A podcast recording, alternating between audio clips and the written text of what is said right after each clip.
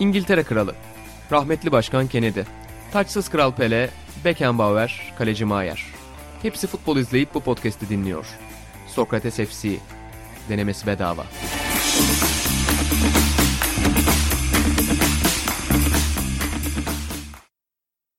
Merhabalar, Sokrates FC'nin yeni bölümüne hoş geldiniz. Ben Buğra Balaban, sevgili Atan Altınordu ve İlhan Özgen'le beraber bu hafta kaydı yapacağız. Ana konularımız arasında ilk olarak Fenerbahçe Spor Kulübü'nün yaptığı İstanbul Sözleşmesi ile alakalı e, açıklama olacak. Onunla gireceğiz. Sonrasında milli maçlardan birkaç notumuzu paylaşacağız ve kapanışta da şöyle bir hafıza turuna çıkacağız yine. Sıkça İlhan ve Atan'la yaptığımız gibi ve hatırladığımız en yakışıklı futbolcuları konuşacağız. ee, önce tabii Atan bu konu nasıl geldi? Yani çünkü bir anda hani bir vahiy gibi yazdın yani bunu konuşalım diye. Ve Hayır buna söz vermiştik. Bir önceki bölüm bölümde hmm. söz vermiştik. O da böyle konunun içinde çıkmıştı. Hatta böyle evet. şimdi böyle en yakışıklı futbolcuları konuşacağız deyince böyle bir komik geldi de önceki programdan doğaçlama çıkan bir şey o. Ama Atağın da bir ilgisi vardır yani bu konuda. Bir yani tabii, listesi tabii. falan vardır. Ben mesela hayatımda oturup düşünmedim yani kimdir falan diye. Eminim Atağının yerli de. yabancı ya vardır. Türkiye yani. Türkiye'dekileri listelemiştim vaktiyle. Her şeyi listelemeyi sevdiğim için de. Öyle Onun şu an baba sınırı neydi? Şey, hani nasıl? Şeyin var ya en iyi 47 Sezen Aksu şarkısı gibi böyle senin ilginç sayıların oluyor. Bunda da var mıydı öyle bir şey? Yok yok ya ben Neyse, hep onlara girersek hep onlara işte. ilk 5 ilk 10 diye başlıyorum ama işte şey yapa sınırlandıramayı başaramadığım için öyle gidiyor. Uzadıkça uzuyor. Peki o konuya değineceğiz ama takvimi karıştırmayalım istiyorsanız. Bu İstanbul Sözleşmesi açıklamasıyla başlayalım. Hakikaten hepimiz için herhalde zor bir hafta sonu oldu. En azından ben kendi açımdan konuşayım. Herkes kendi açısından söyler ama hani zaten çok müreffeh bir toplum yapısında maalesef yani yönetilmediğimizden az çok hepimiz tahmin ediyorduk, biliyorduk ama yine de bu tür hakikaten tüm toplumu ilgilendiren ve darbe niteliği taşıyabilecek hani şey üzerinde insanların düşünsel özgürlük aşamalarında hakikaten çok büyük etkiye yaratabilecek konular elbette farklı bir dozda etkiliyor. Beni en azından böyle etkiledi. Ve nasıl olacak ne olacak derken Fenerbahçe Spor Kulübü'nün hani bu konunun doğru olmadığına dair bir açıklama yaptığını gördük ki özellikle bu tür büyük kulüplerin hani bir sosyal topluluk, sosyal örgüt gibi bir işlevi de olduğu için ben değerli buldum açıkçası. Sizin de benzer şeyler düşündüğünüzü tahmin ediyorum. Atahan senle başlayalım istersen. Ben çok çok değerli buldum. Yani ne kadar takdir etsek az gibi. Ya bu arada önce şunu söyleyelim Buğra. Genellikle yani Türkiye'de çokça karşılaşılan durumlardan bir tanesi kadınlarla ilgili problemleri, Türkiye'de kadınların yaşadığı problemleri kadınlardan çok erkeklerin kendi aralarında konuşması da gibi bir durum var. Biz o duruma düşmek istemiyorduk. Bugün sevgili arkadaşımız Nihan Cabbaroğlu ile de burada birlikte onu da konuk alarak hep birlikte konuşmak istiyorduk ama bugün ben eve çok geciktim. Çok işlerim çıktı. Nihan'ın da yayınları vardı. Dolayısıyla bunu şimdilik yapamıyoruz ama Buğra sen burada istersen duyuruyu yap. Onların çok güzel podcast'i. Kendimiz için yapıyoruz da mı bunu konuşacaklar? Evet evet dediğin gibi o da hatta şu anda biz bu kaydı girerken yayın yapıyor o yüzden burada olamadı ama onların kendi dört kadının yaptıkları bir podcast var. Daha önce sen referans da vermiştin yanılmıyorsam. Evet, evet çok seviyorum ben. diye ve orada bu konuya dair hani kadınlar ne hissediyor, ne düşündüler, hayatlarını nasıl etkiledi bu karar detaylıca açıklıyorlar. Merak eden hakikaten kadınlardan bu konuyu dinlemek isteyen birileri varsa eğer cumartesi öğlen saatlerinde yayınlanmış olacak. Ona da bir kulak verebilirler.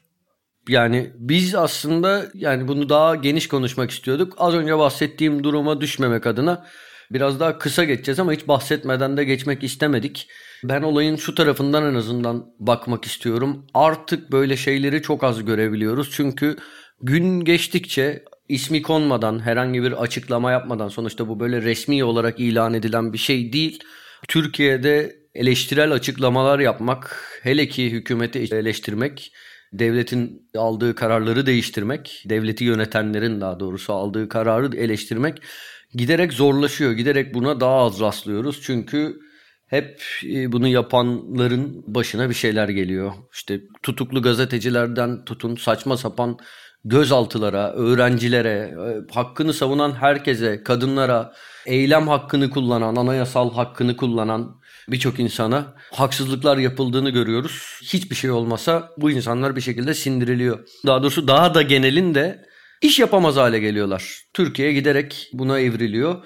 Böyle bir ortamda Fenerbahçe'nin bu açıklamayı yapmasını gerçekten yani sadece bu perspektifte bile çok değerli buluyorum ve diğer kulüplerden de beklerdim bunu.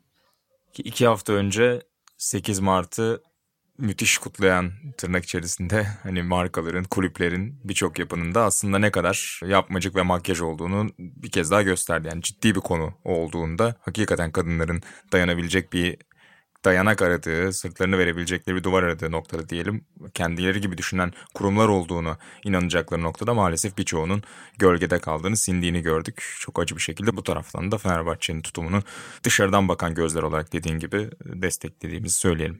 Ya bu yani genelde Türkiye'de artık şey bile cesaret gibi algılanmaya başladı. İşte milli bayramlarda yapılan bazı reklamlara işte Atatürk içeriyor falan diye böyle Atatürk'ten o helal olsun gördünüz iş artık o kadar mevzi geriye çekildi anladın mı?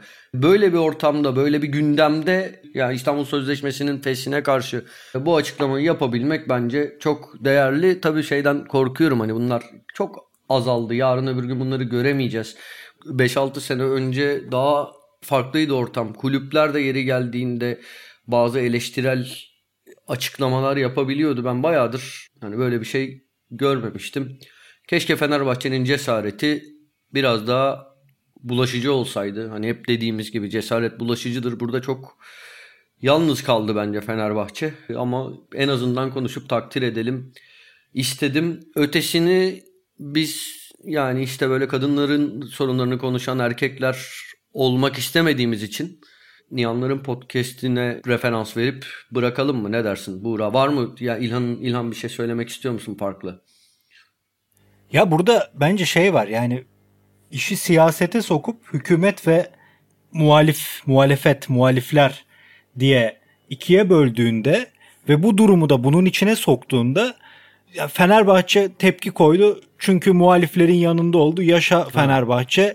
Yani olayı buraya sokmak yani tepki vermeyen kulüpler de tepkisi olmayan kulüpler de olayı siyasileştirir miyiz diye korktuğundan bence tepki vermiyor. Aslında olayın siyasetle, Kesinlikle. AKP ile, CHP ile ilgisi yok. Olay bir insan hakkı. Kesinlikle. Yani bu olaya bu yüzden takıyorum. Yani Fenerbahçe tepki verdiğinde muhalefet bir Fenerbahçe'yi sahipleniyor. Ya aslında ortada her insanın sahiplenmesi gereken bir durum var. Yani Türkiye'nin bence en kötü değişiminde evriminde diyelim ya da her neyse en kötü hallerden birisi bu. Her şeyi siyasete ve politikaya hani diyorsun ya insan hakları ile ilgili bir cümle kuruyorsun ya spor yorumcusun, ne politika yapıyorsun, ne siyaset yapıyorsun. Ya abi bu insan hakkı yani bu bu hayatınla ilgili bir durum.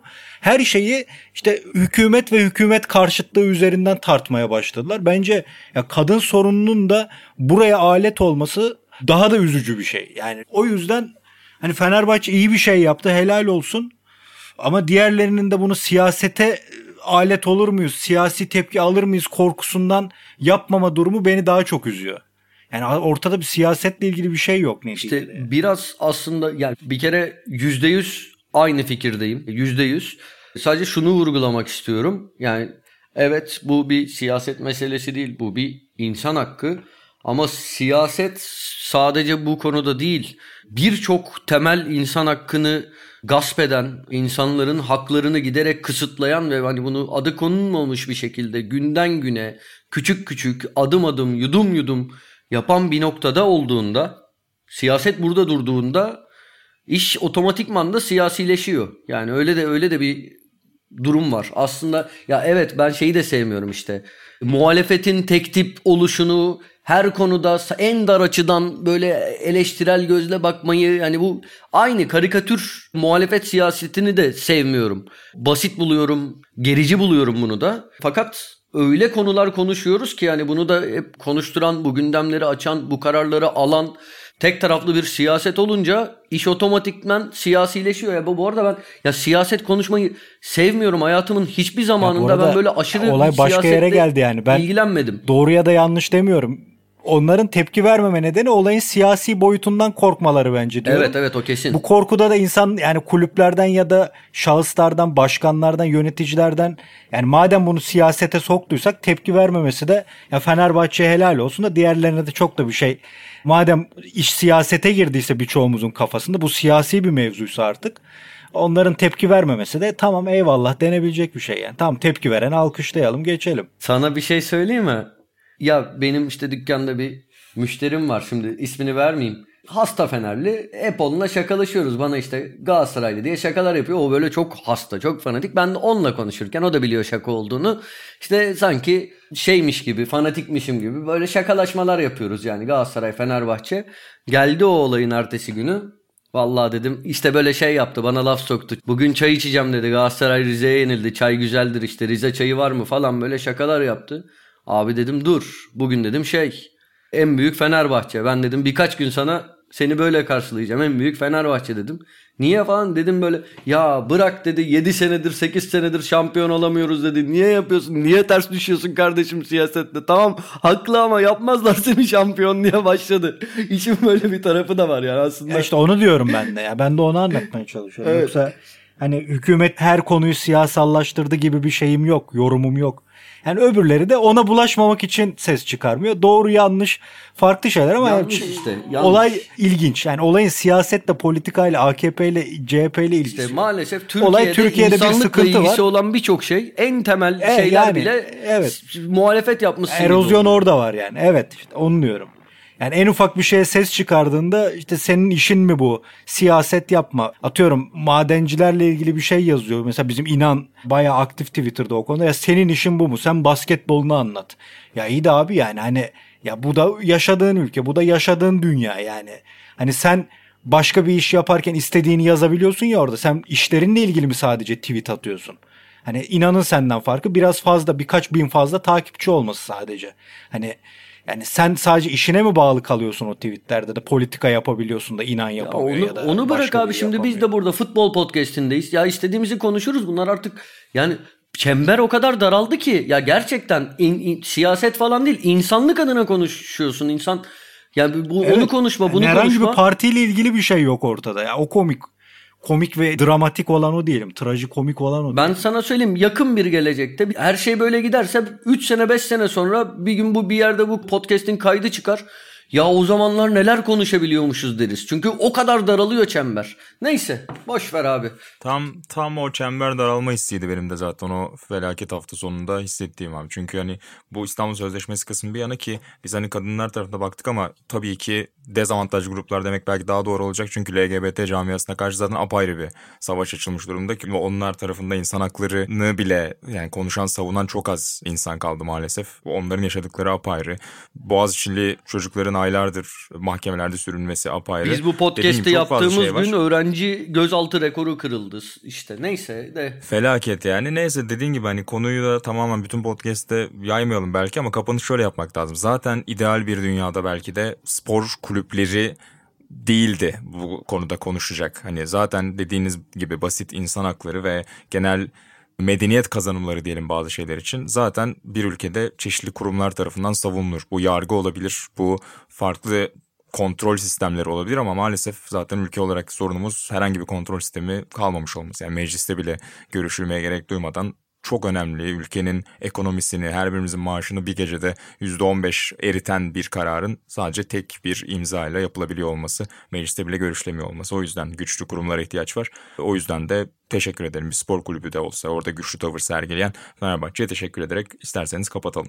Hani sporla siyaset karıştırma muhabbetiyle beraber milli takımlara geçeceğiz. Milli takımlarda da bu arada yani Norveç ve Almanya'nın mesela 2022 Dünya Kupası Katar'da olacak ve oradaki stat inşaatlarında özellikle çalıştırılan inşaat işçilerinin çok kötü şartlarda çalıştırıldığı ve onların haklarının hiç savunulmadığına dair çok ciddi haberler vardı ve bununla da tepki gösterdi mesela Norveç ve Almanya. Milli forma varken üzerlerinde futbolcular tepki gösterdi. Yani sadece buraya özgü bir şey değil ya burada da siyaset karıştırıyorlar falan değil. Tüm dünya zaten her geçen yıl çok daha fazla farklı konularda da sosyal konularda da daha sözel şekilde kendini ifade ediyor. Norveç ve Almanya örneğiydi. Bunun güzel bir dışa vurumuydu. Saha içine dönersek e, Türkiye Hollanda ile isterseniz başlayalım. Hakikaten beklemediğimiz kadar rahat geçti belki de. Yani Hollanda'nın bizim büyüdüğümüz o 20 yılki halinde olmadığını hepimiz az çok biliyoruz ama ne olursa olsun bu kadar da hani daha ilk yarıdan neredeyse fişi çekecek noktaya geleceğimizi açıkçası ben beklemiyordum. O açıdan tatmin edici bir skor elde etti Türkiye 4-2'lik galibiyetle. Bu arada ben Hollanda'nın o bildiğimiz Hollanda olmaya doğru gitme potansiyeli taşıdığını ciddi şekilde düşünüyorum. Ya Allah aşkına. Yani kö- hayır kötü bir Hollanda'yı da yenmedik bence. Onu vurgulamak için söyledim. Ajax'ı da yakından takip ediyorsun. Hollanda futbol memba. Ya yakından, nispeten yakından diyelim hani neye göre öyle bilmiyorum da izlemeye sürekli sıklıkla izlemeye çalışıyorum. Yani bu Hollanda'nın yani birkaç yıl sonra eski günlerine Hollanda'yı taşıyacak bir kadrosu olacağını düşünüyorum. Yani bize karşı çıkan kadro da zaten hani fena değildi de biraz daha bugün yedeklerdeki bazen işte U21 milli takımındaki bazı oyuncuların da gelişimini en üst seviyeye çıkardığında daha farklı hakikaten iddialı bir Hollanda göreceğimizi düşünüyorum. Biraz bence ilk, ya da ilk maçta... Van Dijk gibi, Silesen evet. gibi sakatları da vardı. Evet. Yani özellikle Van Dijk hakikaten yani Van Dijk'ın olduğu savunmaya 4 gol atmak bu kadar kolay olmazdı herhalde. Ama gollerin ikisinde Van Dijk da bir şey yapamaz. Evet ya çok ilginç gerçekten ya. Hakikaten çok güzel goller attık. Çok ya biz daha önce podcast'te çok milli takım konuştuk mu biliyorsunuz bende hafıza yok yani şeyleri falan konuştuk mu ben milli takıma dair içimde bırak en ufak heyecan olmasını artık milli maçlarda Türkiye kaybetsin isteyecek bir ruh haline gelmiştim ben. Öyle sevmediğim bir takım vardı. Ama bu takım o kadar heyecan veriyor ki gerçekten ben iple çekiyorum Avrupa Şampiyonası'nı veya yani Dünya Kupası'nı ya katılalım da diyorum. Biz 2002'de gördük ben çocuktum tamam böyle keyifle izledim çok güzel ama ya şu yaşımda böyle bir Türkiye'yi milli şey Dünya Kupası'nda falan görmeyi iple çekiyorum. Takım çok heyecan yaratıyor çok yani. Yedeğiyle kadroya giremeyeniyle bazen falan çok heyecan verici bir takım. Herhalde en büyük olay da o oldu herhalde ya. Bunu daha önce Fransa maçından sonra konuşmuştuk galiba. Ha, ben evet. Bir yazım ve Senior ne diyorum kurgusu olduğu için maçı öyle adam akıllı izleyemedim maalesef de. Ama yani mesela ben de en son Avrupa Şampiyonası'nda filan bayağı bir milli takımdan soğumuş durumdaydım ama bu milli takım cidden heyecan yaratan, herkesin kendi kahramanının olduğu. Şenol Güneş gibi yani bence bireysel performans alma babında ülkenin en önemli adamlarından biri. Bayağı sevimli, bayağı iyi top oynayan, bayağı hani can yakabilecek bir takım haline geldi. O yüzden sana katılıyorum yani orada tek değilsin. Ya bu arada böyle Hollanda maçında da hani sahanın hakimiydik, rakibi yarı sahadan sildik falan öyle bir durum yok. Türkiye'nin çok iyi oynadığı maçlar var. Son dönemde bu azaldı. Hatta böyle biraz geri giden bir milli takım olduğunu söyleyebilirim ben kendi adıma ama ona rağmen hani hem takım kimliği var hem de şey var. Yani işte bireysel yetenekle işte bir Burak'ın bir şeyiyle Hakan'ın yarın öbür gün Yusuf'un Kenan'ın işte Ozan Tufan'ın böyle şapkadan tavşan çıkarmasıyla skor alabilecek de bir takım. Çünkü savunma zaten Türkiye futbol tarihinin en iyi savunma ve kaleci rotasyonu bence. Yani maçta en kötü oynadığın maçta bile ayakta kalabilirsin. E, ileride de yetenekli adamlarım o yüzden kötü oynarken bile kazanabilecek bir takım olması ayrıca umut verici. Yani işin tabii ki en umut verici tarafı kötü oynarken kazanmak değil ama bu bile çok umut veriyor. Onu söylemeye çalışıyorum. Anlatabildim mi karışık cümlemde? Anladım ben kendi tarafımda. Yani net görünen bir tablo var aslında Şenol Güneş döneminde sanki. Yani hakikaten iyi seviyedeki senin üzerine gelmeye hazır takımlara karşı fizik olarak çok güçlü kalıp onları durdurup ve direkt çıkışlarla beraber de hakikaten darbe verebilecek bir yapıya sahibiz. Fransa'yı karşı aldığımız skorlarda oynadığımız futbolda da çok tatmin edici göründük. İşte Hollanda'ya karşı da bu arada yani skorun gösterdiği kadar da hani pozisyon olarak müthiş baskın olmadı bizim maç bu arada yani. Onu sen az önce iyi söyledin Atan. Çünkü o işte 4 attık şöyle yendik böyle yendik gibi bakarken bir yandan hani maçı izleyince ya ulan işte Burak'ın golü hani savunmaya çarptı gitti. Bir penaltı var olabilir olmayabilir. Bir önceki pozisyonda Hollanda'ya penaltı verilebilir. Hani belki var olsa hani ilk yarı 2-1 geride kapatabileceğimiz falan da bir maçtı. Tabii hepsiyle beraber değerlendirmek lazım ama yine de hani fizik olarak çok fazla pozisyon vermeyip güçlü kalıp rakipleri sindirme anlamında hakikaten çok tatmin edici bir takım. Çok böyle eskilerde de hep çok basit hata yapıp yediğimiz gollerle kaybettiğimiz maçlara çok alışığız. Buradaki asıl sınav herhalde önümüzdeki süreçte biraz daha sana karşı kapanan, aslında senin işte Fransa'ya Hollanda'ya yaptığını sana yapmaya hazır ve kontra ile çıkmak isteyen takımlara karşı sen yüklenmeye çalıştığında nasıl çözüm üreteceksin? Orada tabii ki gözümüz Yusuf'ta olacak. Gözümüz dün oynamayan Cengiz'de olacak. Maçta oynamayan.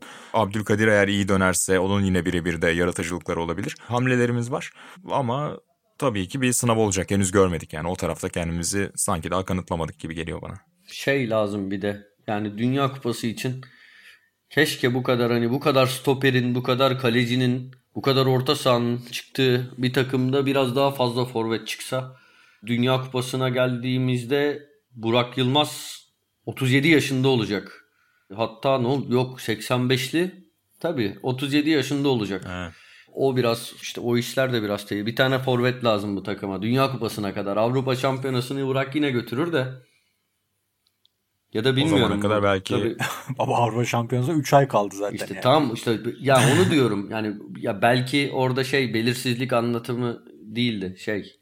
Hani belki Avrupa Şampiyonası tamam da Dünya Kupası. Gerçi Burak şey yani bu yaşında kendine en iyi bakan, fiziksel olarak da en iyi bakan oyunculardan biri olduğu için belki 2002'yi de götürür de keşke bir de forvette kozlarımızı arttırabilsek. Evet geçmişe göre biraz orada havuz dar gibi. Bu arada yani Burak'ın çok formda olduğunu iyi dönem geçtiğini falan konuşuyoruz da bölümün başında İstanbul Sözleşmesi demişken tabii Burak'a verken de ben dikkatli olmaya çalışıyorum. Sonuçta bir aile şiddet davası olan bir oyuncuydu geçmişte. Hani Onları da belki almak gerekiyor. Ya burada işin futbol tarafını konuşarak söylüyorum. Yoksa başka şeylerden de. Yoksa Euro 2016 muhabbetlerinde de tabii ki. Yani. Ya aradaki birçok şeyde, bir birçok şeyde referandumu şu sıvısı da bir, bir onlara bir şey demiyorum. Fikridir. Söyler, söylesin fikrini. Madem öyle. Ama şey futbolcu olarak çok çok büyük saygı duyuyorum Burak'a futbolcu olarak çok yani şey abi sadece kariyerinde yaşadığı dönüşüm falan değil yani bu adam şu yaşında Lille gitti. Lille'de de döktürüyor. Yani Lille böyle genç oyuncular üzerine kurulu bir sistemi olan bir takım. Bu yaşında Avrupa'ya ilk defa gidip de şu performansı vermek falan hakikaten akıl almaz bir şey. Ben acayip takdir ediyorum futbolcu Burak'ı. Yani Türk futbol tarihinin en önemli golcüleri arasında artık ilk 3-4 sırada Burak'ın da yeri var bence. Ki çok geç aslında o pozisyonunu bulmasına rağmen. Kariyerinin ilk yarısını neredeyse kanatta geçirmesine rağmen. Evet. Kanat, orta sahanın ortası yani daha gerisi bile. Ben izliyordum şeyde Antalya Spor'da. Hatta yanlışım yoksa teknik direktörü Yılmaz Vural'dı. Şimdi yüzde yüz emin olamadım ama öyleydi değil mi? Oydu oydu oydu evet. Ali Bilgin, Mali Bilgin o takım işte. ikincilikten Evet çıkarmış. işte o şeyleri hatırlıyorum. Burak Yılmaz'ın Antalya Spor'da oynadığı dönemleri kanat falan da değil. Bayağı birçok maçta orta sahanın ortasında böyle 10 numara gibi falan oynuyordu. Diğer maçlarda bizim grubumuzda Norveç Cebel Tarih 3-0 yendi. Karadağ Letonya 2-1 yendi. Sizin dikkatinizi çeken başka maç oldu mu? Sürpriz skorlardan biri Slovenya'nın Hırvatistan'ı yenmesiydi. Belki de onlar 1-0 ile gülmeyi başardılar. Bana Balkanlarda sürpriz olmaz bu Burak ne yalan söyleyeyim. ben şey bizimkinden başka hiçbir maçı izlemedim.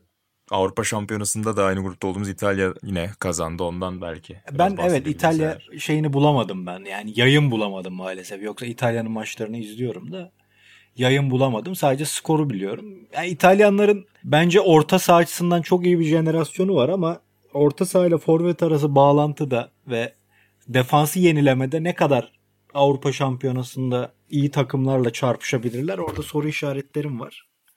Ama onun dışında orta sahası falan Forvet'te eldeki imkanlara göre işte Immobile çok formda bir santrfor falan. Chiesa iyi durumda. Fena bir takımı yok. Bir de İtalya hani 2012-2016 oralara gittiği zaman o bir arada kalma oyun disiplini falan derken bir türlü ses getiriyor turnuvalarda. Özellikle bugünün taktik oyunu çok revaçta ya Yani onu zaten adamlar çözmüş 1950'lerden beri. Bir türlü bir şey yapıyorlar. Ama oyuncu şey olarak yani kabiliyetli jenerasyon olarak dediğim gibi orta sahada açtılar gibi o şeyi eşi. Forvet'te yani hala Immobile, Belotti yani merkezdekiler ne kadar idare eder, alternatif ne kadar olur bilmiyorum ama defansı bir türlü o şeyi bulamadılar. Yani Chiellini Bonucci sonrası kime emin ellere teslim etme açısından orada bir sıkıntı var gibi. Bakalım turnuvada göreceğiz ama. Ama gene İtalya'nın grubu kolay bir grup galiba. Dünya Kupası'na da yanlışım yoksa. Avrupa Şampiyonası grubunda da öyleydi. Burada da biraz kolay bir grup. Çıkarlar yani oradan büyük ihtimalle. Yanlış söylemeyeyim grubunu açıyorum İtalya'nın. Orada İsviçre, Litvanya, Bulgaristan ve Kuzey İrlanda var. Dediğin gibi baba. Yani oradan doğrudan çıkmasını bekleyeceksin. Güzel. Evet. Chiesa'dan bahsettim. Bu arada çok beğeniyorum ya yani. Hani biraz böyle bir savrukluğu var tabii ki ama onu biraz yaşa herhalde bağlamak lazım. İştah ve kilit açma noktasında hani biraz biz Dybala için çok konuşurduk onu. Hani tam olarak nerede ne yapacağını bilemezsin ama bir şekilde o sonucu getirir diye. Sanki Chiesa'da da o potansiyel var. Tabii o az önce bahsettiğim orta sahadan forvete topu götüren adam olarak tek seçenek gibi şu anda. Zaniolo da döner mi dönmez mi belli olmadığı için çok değerli. Bir de ben biliyorsun kariyerine idare edişini çok takdir ediyorum. Babasının da sayesinde. İşte İlhan ben de sana onu soracaktım. Signor ne diyor? Baba Enrico Chiesa mı Federico Chiesa mı? o babası acayip topçuydu ya. Ya Federico çıtayı oraya taşıyamaz mı? Bilmiyorum da yani babası şu ana kadar şey karşılaştırdığımız için babası bayağı bir topçuydu. Türkiye'de de şey oldu o biliyorsun ya adam sakatlanmıştı. Sonra Fatih Hoca Fiorentina'da hmm. On, onunla birlikte tekrar Chiesa form tutmaya başladı. Abi Türkiye'de Chiesa sanki 3. lig golcüsüymüş de yani orada coşmuş gibi olma. Hatırlıyor musun hata? Yok baba şey ya. hatırlıyor musun? Şimdi buna evet dersem yalan olur çünkü o zamanlar ben de bilmiyordum öyle görüyordum valla. Yani ben o sananlardandım. yok çok değerli oyuncuydu Chiesa. Çok özel oyuncu. Sonradan öğrendim İlginç ben de. stili vardı. Tabii tabii. Yani şu ana kadar kariyerinde elbette babası çok iyiydi de yani bu çocuk da o kadar bir oynasın belki geçecek yani. Çünkü iyi gidiyor. Dediğim gibi o Fiorentina'da bir sene daha kalması, sabretmesi, Bernardeschi falan oralarda çok hata yaptı. Bu yani Juventus'a kurtarıcı olarak gitti bildiğin. Yani Bernardeschi binin biri olarak gitmişti. Bu çocuğu bildiğin hücumu hareketlendirsin diye kurtarıcı olarak aldılar. Kıymetli evet ben de çok beğeniyorum. Bir de çok türlü oynayabiliyor. Yani kanat oynar, ikinci forvet gibi oynar. 3-5-2'nin kanadı da bence çok zorlarsan oynar yani. O açıdan da önemli oyuncu. Porto maçında sol kanada atmıştı mesela ki oradan golleri üretmeyi başardı Römaş maçında. Tabii tabii iyi, iyi bayağı yani. Oyun zekası, o yırtıcılığı dediğin. Ya bizim Cengiz'den beklediğimiz İtalya'dayken benim Cengiz'den beklediğim oyuncu dönüşümünü Chiesa gerçekleştirdi gibi. Öyle anlatayım kısaca. Ez ikinci golcü gibi. Evet evet. Ya bir de bizde Tuncay'da vardı o hatırlarsınız. İsyan Aynen. etme denirdi ya. Hani Tam o yönü de çok iyi. Porto maçında yoksa gitmişti o maç yani. Ruhsuz bir takım vardı. Bir anda takımı ayağa kaldırdı. O yönleri de İtalya'da özellikle İtalyanların mesela İsveç'e elendiği maç işte Prandelli'nin elendiği 2014 Uruguay maçı. Ya oralara baktığımızda İtalya hep öyle oyuncu eksikliğinden gitti aslında. O açıdan da çok kıymetli. Dediğim gibi yani birçok böyle göze hoş gelen bir yerlere taşıyabilecek takım oyuncular var İtalya'da. Chiesa da evet ilk üçe girer İlo, benim gözümde. Chiesa dedik, İtalya dedik, bir yandan Cengiz dedik. Hepsinin böyle kesişiminde aklıma gelen bir Kluivert var. Justin Kluivert. O da böyle hem futbolcu oğlu hem kanat oyuncusu hem Roma'daydı falan. Clive, Kluivert da olmayacak galiba ya Justin Kluivert. Ne diyorsun? Evet. O baştaki haklısın. heyecan verici hali gitti maalesef. Evet ben onu Roma'da çok daha çok izleyebildim. Mesela orada da yani ben zaman zaman diyordum ya Cengiz'in bundan formayı alması lazım diye. Ama Cengiz'in o sakat döneminde çok oynamıştı. Yani öyle bir o altyapılarda herhalde bu çabuk oyuncular bir böyle insanın gönlünü alıyor. Orada bir parlıyorlar. Ondan sonra bir yani profesyonel seviye bir geliyorsun. Ya zaten birçoğunda var o özellik. Sen başka bir şey koyman gerekiyor. Onu koyamıyorlar. İşte Hollanda liginin de böyle biraz yanıltıcılığı oluyor. Üst seviyede de aslında Ajax'ta bayağı fark yaratan oyuncu olmuştu. Çok genç yaşında 18-19 yaşında. Ama Hollanda Ligi hücumcular konusunda işte bazen doğru fikri veremeyebiliyor. Baba Alfonso Alves miydi? evet. Hollanda'da. Afonso. Holl- Afonso ben. Ya Adam- ama şey bir de şöyle bir şey var. Romario gitmiş işte Brezilyalı Hollanda liginde gol kralı olmuş çıkmış Romario olmuş arkasından Ronaldo. Afonso Alves ben bir de Afonso Alves'i Galatasaray'a yazıyorlardı. Ben gece uykumdan uyandığımda aklıma geliyordu ya teletext falan açıyordum. Afonso Alves gelmiş mi diye. Mübalağa ediyorum. Teletext Ama- açmadım da yani her gün kaç kere spor gazetesi aldım. Afonso Alves bize gelecek mi gelmeyecek mi diye o günlerde. Neydi ya? Bir maçta 5 gol mü? Öyle bir şey atıp o meşhur olmuş. 7. 7 gol attı İlo. 7 gol. Yuh. Baba ben 5 Hadi 5 buyur. Yok valla çok eminim 7 gol atmıştı. Helal olsun Alfonso'ya. Özür diliyorum Afonso'dan. Sonra Yani gitti böyle Afonso Hoca. Katar matar oralarda. Middlesbrough'a gitti sonra. Ha, şey Ben Tuncay'la. Tuncay'la aynı anda Middlesbrough'daydı. Aynen. Ha yedekti. Southgate'in efsane Middlesbrough'su. Downing vardı ben onu beğeniyordum. Stuart Downing o Middlesbrough'da. Sorma benim bir ev arkadaşım vardı o da ona hastaydı. Yani Pirlo'ya vasat topçu derdi ama Downing ve Kerry'i överdi. İlginç bir topçu. Peki Pirlo demişken güzel bir bağlantı Downing'den de bağlarız olacak. ya. Downing de yakışıklıydı. Aynen oradan kapanış konumuza geçelim. Atahan Altınordu'nun bir uzmanla bunu konuşacaksın. bir uzmanla konuşacağız. Çünkü evet ya ofiste de bize sık sık abi Giroud acayip yakışıklı topçu falan deyip hani inanla falan özellikle Abi uzun Giroud, uzun. Giroud tanrı gibi adam ya. Giroud çok yakışıklı. Allah Allah. Acayip. Hadi yani. buyurun. Yavaş. Ya tan şey öyle abi. Valla ne ne denir? Bir ne tanrısı oluyor? Bir Yunan tanrısı gibi adam. Aşile mi benzettin? Bilmiyorum işte. Yani Afrodit'in erkek karşıtlığını bulamadı. Aynen. Ya ben onun biraz hani bir çıplak fotoğrafı yayınlanmıştı hatırlıyorsunuz. Onunla biraz o imajı yakaladığını düşünüyorum ama hani surat olarak baktığında yani evet yakıştı ama en iyilerden biri mi bilmiyorum emin değilim. Çıplak Biraz fotoğraf deyince çalışıyorum. çıplak fotoğraf deyince aklıma başka biri geldi. Aysel Gürel'in aşık olduğu futbolcu. Galatasaray'da Mehmet Ali Erbil geldi sandım. Stjepan Thomas. 2006 Galatasaray'ın şampiyonluk kutlamalarında böyle üstünü çıkarıp iç çamaşırıyla kalmıştı. Oradan Aysel Gürel ona şiir mi yazdı bir şey yaptı öyle bir öyle bir muhabbet oldu. Ama güzel yaşlanmadı Thomas. Çiçeği burnunda. Sever miydin Hoca. Thomas Atahan? Ben acayip beğeniyorum. Yani beğeniyordum. Çok iyi stoperdi bence. Fener'den size gelmişti değil mi? Fener'de bir doğum döneminde mi ne Fener'e gelmişti ilk Şey İtalya'dan. yaptı. Formayı yere attı. Evet. Orada kadro Doğru. dışı bıraktılar. Gönderildi Galatasaray aldı. Song'la beraberdi onlar. Aynen. Evet Thomas Song.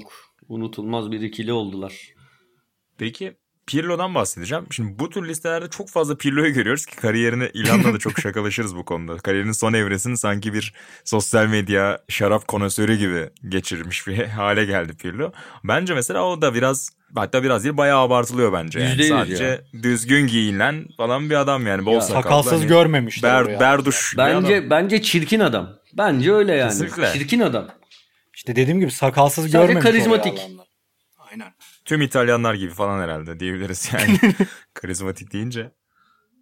Orada biraz ülke özelliği gibi. Bu tür abartılan aklınıza gelen oyuncular kimler peki? Eskilerden hep George Best'i öyle anarlar. Hatta şey sözünü Best'e yorarlar değil mi? İşte çirkin olsaydım bir şu kadar daha iyi oyuncu olurdum falan. Çirkin olsaydım Çirkinsin Pele olmazdı bayağı. tarzı. Yani bayağı çirkinsin yani. Bir daha bir düşünsene yani. Hani çirkin olsa best Pele olmuyor. Abi nasıl olmayacak yani? Hani Pele ve Maradona'yı anmıyoruz lan. Böyle bir dünya mı olur? Adam Dünya Kupası'nda öttürmüş ikisi de ortalığı. Hayır. ya böyle bir şey. Best Yani sen de bir Dünya Kupası'na damga gelen- vursaydın seni de anardık onlarla baba. yani şimdi nasıl ya karşılaştırdın iki Hayır, belki şu anlamda söylüyordur. Çirkin olsaydım futbola daha fazla odaklanırdım. Gönül iliş- ilişkileriyle zaman kaybetmezdim anlamında söylüyorsa da böyle bir adam. yine işte. bir mantığı var da yine katılmam tabii. Da böyle bir adam. Bir de oradan gösterdi bize Best'e. Yani böyle şeylere ben karşıyım. Mesela Beste yani rahmetli olmasaydı bir röportaj yapmaya gitsem yani naçizane iyi bildiğim dönemler ama Buğra ben Atahan Altınordu'yu almadan gitmezdim o röportajı. Niye baba? Çok ilginç sorular çıkabilirdi Beste yani. Peki George abi yani. Yani biliyorsun Buğra bazı soruları var öyle yani buralarda anlatamıyoruz. İnanılmaz atan soruları olur böyle bir anda çıkar yani. Derval'in idman tekniği konuşulurken bir soru atar ortaya. tokat yemiş. Ben de yakabilir miyim bir tane falan diye. Onlar masum şeyler.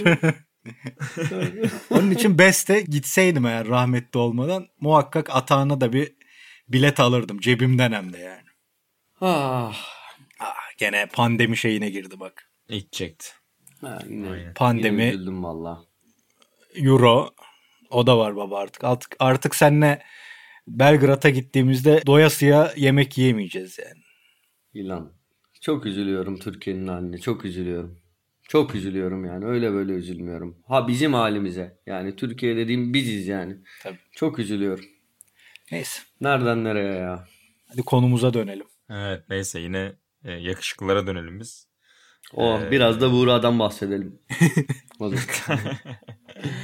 Başka böyle aklınıza gelen abartılan var mı? Ben Pirlo ile Besti söyledim ama ya hep böyle listelerde görüyorum ama yani ne alakası var dediğiniz. Ya ben öyle listeye de hiç bakmadım ki hayatımda ya. Ben işte atan konuşalım deyince baktım baba yoksa ben de durup durup açmıyorum ama. Ya dün Şöyle bir ge- konu ki yani ben- ulan ne bileyim. ben söyleyeyim mi abartılan? Bence. Söyle. Söyle. Balak bence çirkin adam. He.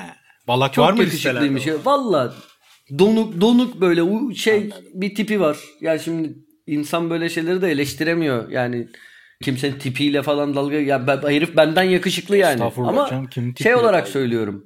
Hayır yani böyle adama çirkin mirkin diyecek halim yok. Yani o anlamda söylemiyorum. Söylendiği kadar yakışıklı değil. Şimdi içimden gelenleri söyleyemiyorum. Şey olarak hani tipini kötülüyormuş gibi. Sonuçta seçmediği bir şey de adam çirkin demiyorum. Söylendiği kadar yakışıklı değil diyorum bence. Ne diyorsunuz? Olabilir. Ya, Ben de ya bulmam. ya benim Balak deyince aklıma bir yakışıklılık gelmedi zaten. Avusturya'ya attığı frikik golü direkt o geldi yani. Öyle bir şeyim de. Mesela Beckham deyince bir yakışıklılık geliyor. Bir çok güzel gol, gol atsa da ama Balak da direkt golüyle özdeşleşmiş beynimde. Zaten hiç o seviyeyi almamış. İkonik ya Beckham'ınki. Bence Owen da çok yakışıklıydı ya. Atan favorilerinden Buğra. Hayda. Geçen programda Nasıl? söyledim. Hayda. Klasik bir Ha, tipi yok söyledin mi diyor. geçen program? Klasik diyor öyle uzun boylu falan değil ama yakışıklı diyor. Beğeniyor. ha, ben geçen sefer bunu sö- düşündüm de söylemedim diye hatırlıyorum. Yok yok dedin. İyi de. Dejavu oldu. Beyler ben biliyorsunuz en yani benim gördüğüm en yakışıklı topçu Cinola. Bunu hep söylerim ben. Kendi bakış açımla. Ama onda Atahan mesela. Atahan da onu bu abartı Cinola'yı. görüyor. Yani o kadar Ya değil. hayır yani Allah çarpar. Yakışıklı adam da en konusunda tabii çok abartılı görüyorum. Anladım. Bu arada Best'in lafını Beckham'a yorsak birçok bize soru da gelirdi öyle senior ne diyor soru cevap zamanı. Hani o yakışıklılığı onun laneti oldu mu minvalinde. Ben ona da çok katılmıyorum bence ya. Bence futbolculuğu da gayet saygı gördü abi Beckham'ın ya.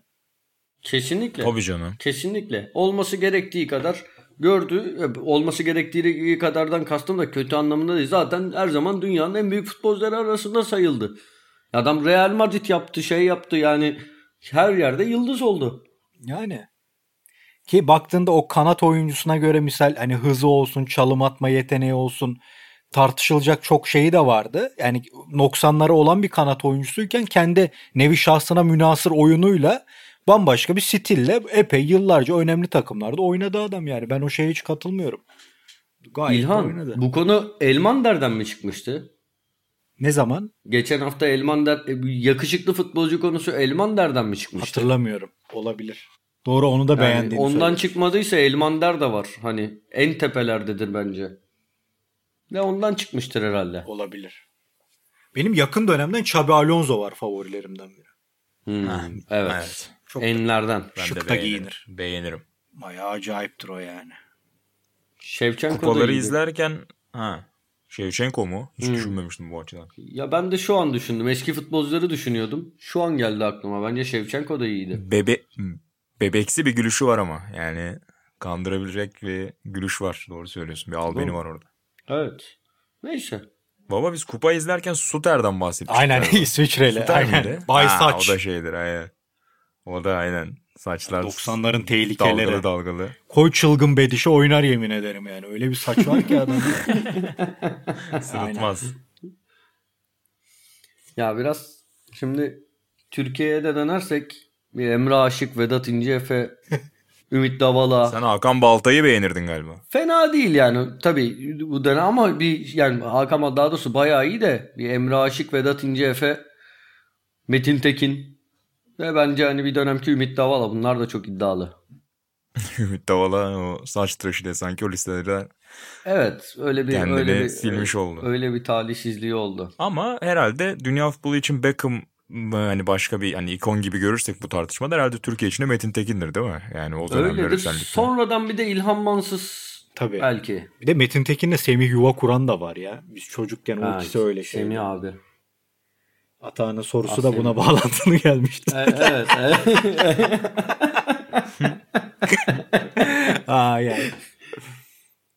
İlhan Mansız da ama feciydi ya. Bizdeki Beckham'ın karşılığı İlhan galiba ama ya. Yani uluslararası Öyle, öyle. Asya Masya şey var ya bildiğin sakatken transfer yaptı ya şeye. O popülaritesiyle. O yönü acayipti İlhan'ın. İlhan'ın en acayip yönlerinden biri de futbolu bıraktıktan sonra önce işte bu buzda dans öyle bir Buzda yarışmaya dans. katılıp ondan sonra adam profesyonel yapmaya başladı bu işi. O büyük bir disiplin ve başarı bence. Hakikaten ya. Yaka Silker genelde o antrenman temposundan uzun yıllar bir spor kariyeri olan sporcular ama hakikaten bambaşka bir alana girip orada da Saygın bir şey. rekabetçi seviyeye çıkmak büyük mesele. Benim saymadığımız diye düşündüğüm bir Pike aklıma geldi. Ben Pike'yi de çok beğenirim. Canavar. Zaten dünyanın en güzel kadınlarından biriyle de yani çiftler olması gerektiği gibi. Mutlulukları daim olsun Şey diyelim. gibi yani Mehmet Aslan to Arzu Monan gibi bulmuşlar ikisi birbirlerini. Müthiş bir çift. Hatta Mehmet Aslan Toy'u da sever bak. Amerikalılar power couple diyor ya onun gibi. Kim diyor? İşte Amerikalılar öyle der böyle iki tane ünlü başarılı figür beraber de power couple böyle güç çifti gibi. Her şey bir isim olduğu gibi bu ilan sever. Nihan Cabbaroğlu, Buğra Balaban. Power couple. Al sana. Estağfurullah. Konuyu getirdik al bize patladı. Öyle ama power Cümle, couple. cümle içinde Türkiye'nin kullandı çok önemli, bunu. çok önemli iki spikeri. Evet sözün bittiği Bu noktadayız. iltifatı da, bu iltifatı da unutma. Kapatmak için daha doğru bir an göremiyorum. Aa sana yakışıklı futbolcu söyleyeyim mi bir tane ya? Patlat. Dortmund'un kalecisi Bürki. Canavar. Vallahi canavar. manyak geldi bu canavar. adam. Geldi bir an aklıma geldi. Çok valla çok çok Ato, iyi. Ladrup kardeşler de yakışıklıydı baba. Hangisi baba? Ya ben Hangisi? ben Hangisi daha çok? ben Mikel'i daha çok seviyorum da yani ama Brian Ladrup daha yakışıklı olabilir. Ya onun böyle bir biraz daha bebeksi bir tavrı vardı Brian. Ama ikisi de yakışıklı adamlardı. Ya bu arada tarihten Buğra unuttu onu. Dünya Kupası izlerken Buğra'yı en çok etkileyen oyunculardan biri Jacinto Faketti'ydi. Faketti abi. Of. Biz onu Mehmet Oğuz'la konuşurken şey demişti. Ya adam manken gibi bir şeydi ta o zaman diye. 1.90 boy falan o dönemde. Şimdi kızı Barbara var onun İtalyan kadın milli takımında görevli. Onun Instagram hesabında devamlı babasıyla ilgili eski fotoğraflar paylaşır. Cidden o dönem bu kadar bireysel sponsorluklar falan olsaymış Faketti abim de hiç boş kalmazmış o sponsorluk açısından. Kesin yani senin yazılardan bir iki tanesinde kullandığımız eski fotoğrafları hatırlıyorum. Ya inanılmaz yakışıklı. Bir de hani son dönemde şey karizması oldu ya sakal modasıyla beraber. Yani kelle kulak yerinde hani atanın tabiriyle bir adamı güzel bir sakal ve şey tıraşıyla iyi gösterebiliyorsun mesela işte. Hani Pirlo'ydu bilmem neydi onları o klasman alabiliriz. Faketti baba bayağı tüysüz falan da acayip Aynen yakışıklı öyle. yani. Çok şık ya. O işte Barbara ablamız şeyi filan koyuyor böyle deplasmana giderken paltolu maltolu. Acayip acayip Of. yani maşallah. Allah rahmet eylesin. En sonunda başkandı Inter'de. Bu Okanlar, Hakanlar filan Inter'deyken e, o başkandı. Ve orada da yaşlı hali filan da yani karizmatik adamdı baya. Severiz. Bir de beyler esas Beckham'dan önce Atahan benim bu konuda bir yoldaşım olmuştu sağ olsun yanılmıyorsam. Dergimize de bir röportaj durumu vardı bir dönemler ve kapak olur mu olmaz mı tartışması yapılmıştı dergimizde. Beckham'dan önceki Beckham Del Piero'dur Doğru. bence. Onun da imajı acayipti. Doğru, o Evet. favori. Aynen. Favori şey Kötü andığımız bir tartışmadır bu arada. Yani Del Piero kapak olur mu hiç olmaz ya mı? aynen işte bize karşı çıkanlar utansın. Neyse ki isim vermiyoruz. Vermiyoruz. E, o tozluklara böyle bir şeyler bağlardı. Favorileri ince sakallara devamlı değişir saçları öyle. Mesela favorileriyle o kadar oynayan çok az oyuncu hatırlıyorum. Devamlı bir şekil değişikliği olurdu. O açıdan Del Piero Baba da ilginçti. Ama Beckham kadar çok böyle sansasyonel aşk ilişkileri falan olmayınca bir süre sonra aile zaten Amoroso'nun kız kardeşiyle evlenmişti galiba. Ondan sonra aile adamı oldu. En sonunda böbrek taşı döküyordu ben bıraktığımda. Öyle bir sıkıntısı vardı. Öyle mi? Aynen geçen sene öyle bir durumu olmuştu. Hatta bilmem kaç milimlik bir şey bu kadar can acıtır mı diye bir paylaşım yapmıştı. Şimdi Amerika'da yorumcu oldu galiba ESPN'de. İnan olsa burada buradan bizi dinliyorsa Alessandro Del Piero'ya da geçmiş olsun diliyoruz şakasını yapardı burada. Kaçırmazdı. Peki yavaştan kapatalım. 50 dakikaya doğru yaklaşıyoruz. Sokrates FC'nin bu bölümünün de yavaş yavaş sonuna geldik. Ben Buğra Balaban, sevgili İlhan Özgen ve Atan Altınoğlu ile beraber bu bölümde İşko İşko. İşko da yakışıklı şimdi geldi aklıma. Bu da şey gibi oldu. Marvel filmi biter sonra bir sahne daha koyarlar. tamam ya erken kaçanlar ya hiç Maldini şey yaptı, demedik. kaybetti. Maldini demedik mesela. Ben Baba bence Maldini'nin yaşlılığı yakışıklı ya. Ha? Maldini şu an topçuluğundan daha yakışıklı bence. Öyle mi diyorsun ya? Ben beğenmiyormuşum demek ki. Şu an topçuluğundan daha yakışıklı şu anda bence diyorum. Ha şu anda aynen. Aynen. Ben Evet. oyunculuk zamanını beğenmiyorum. Şu an Doğru. çok acayip oldu maşallah. Boban da öyle misal. Çok güzel yaşlandılar. Hadi ya. Ben de ben de geçen sene televizyonda bir maçta şeyi gördüm. Hüseyin Beşok tribünde. Ulan dedim adam ne güzel yaşlanmış ya. Ortalama bir tipti bence. Acayip iyi Doğru olmuş. diyorsun. Şimdi ya bambaşka bir şeye girdiniz. Neyse konuşmayayım. bir, bir Ver sonraki bir bölümde isim- ver, bir güzel isim ver, yaşlanan. aynen.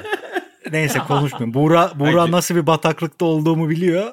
Doğru. Birkaç YouTube kanalı önerecektim. Öbür programda konuşuruz. Aynen. Güzel yaşananları ayrı noktada konuşuruz. Peki Yok, asla güzel yaşlananlar denemede- değil. Biliyorsun ben bir bataklıktayım. Çocukluğumun basketbol maçlarındayım.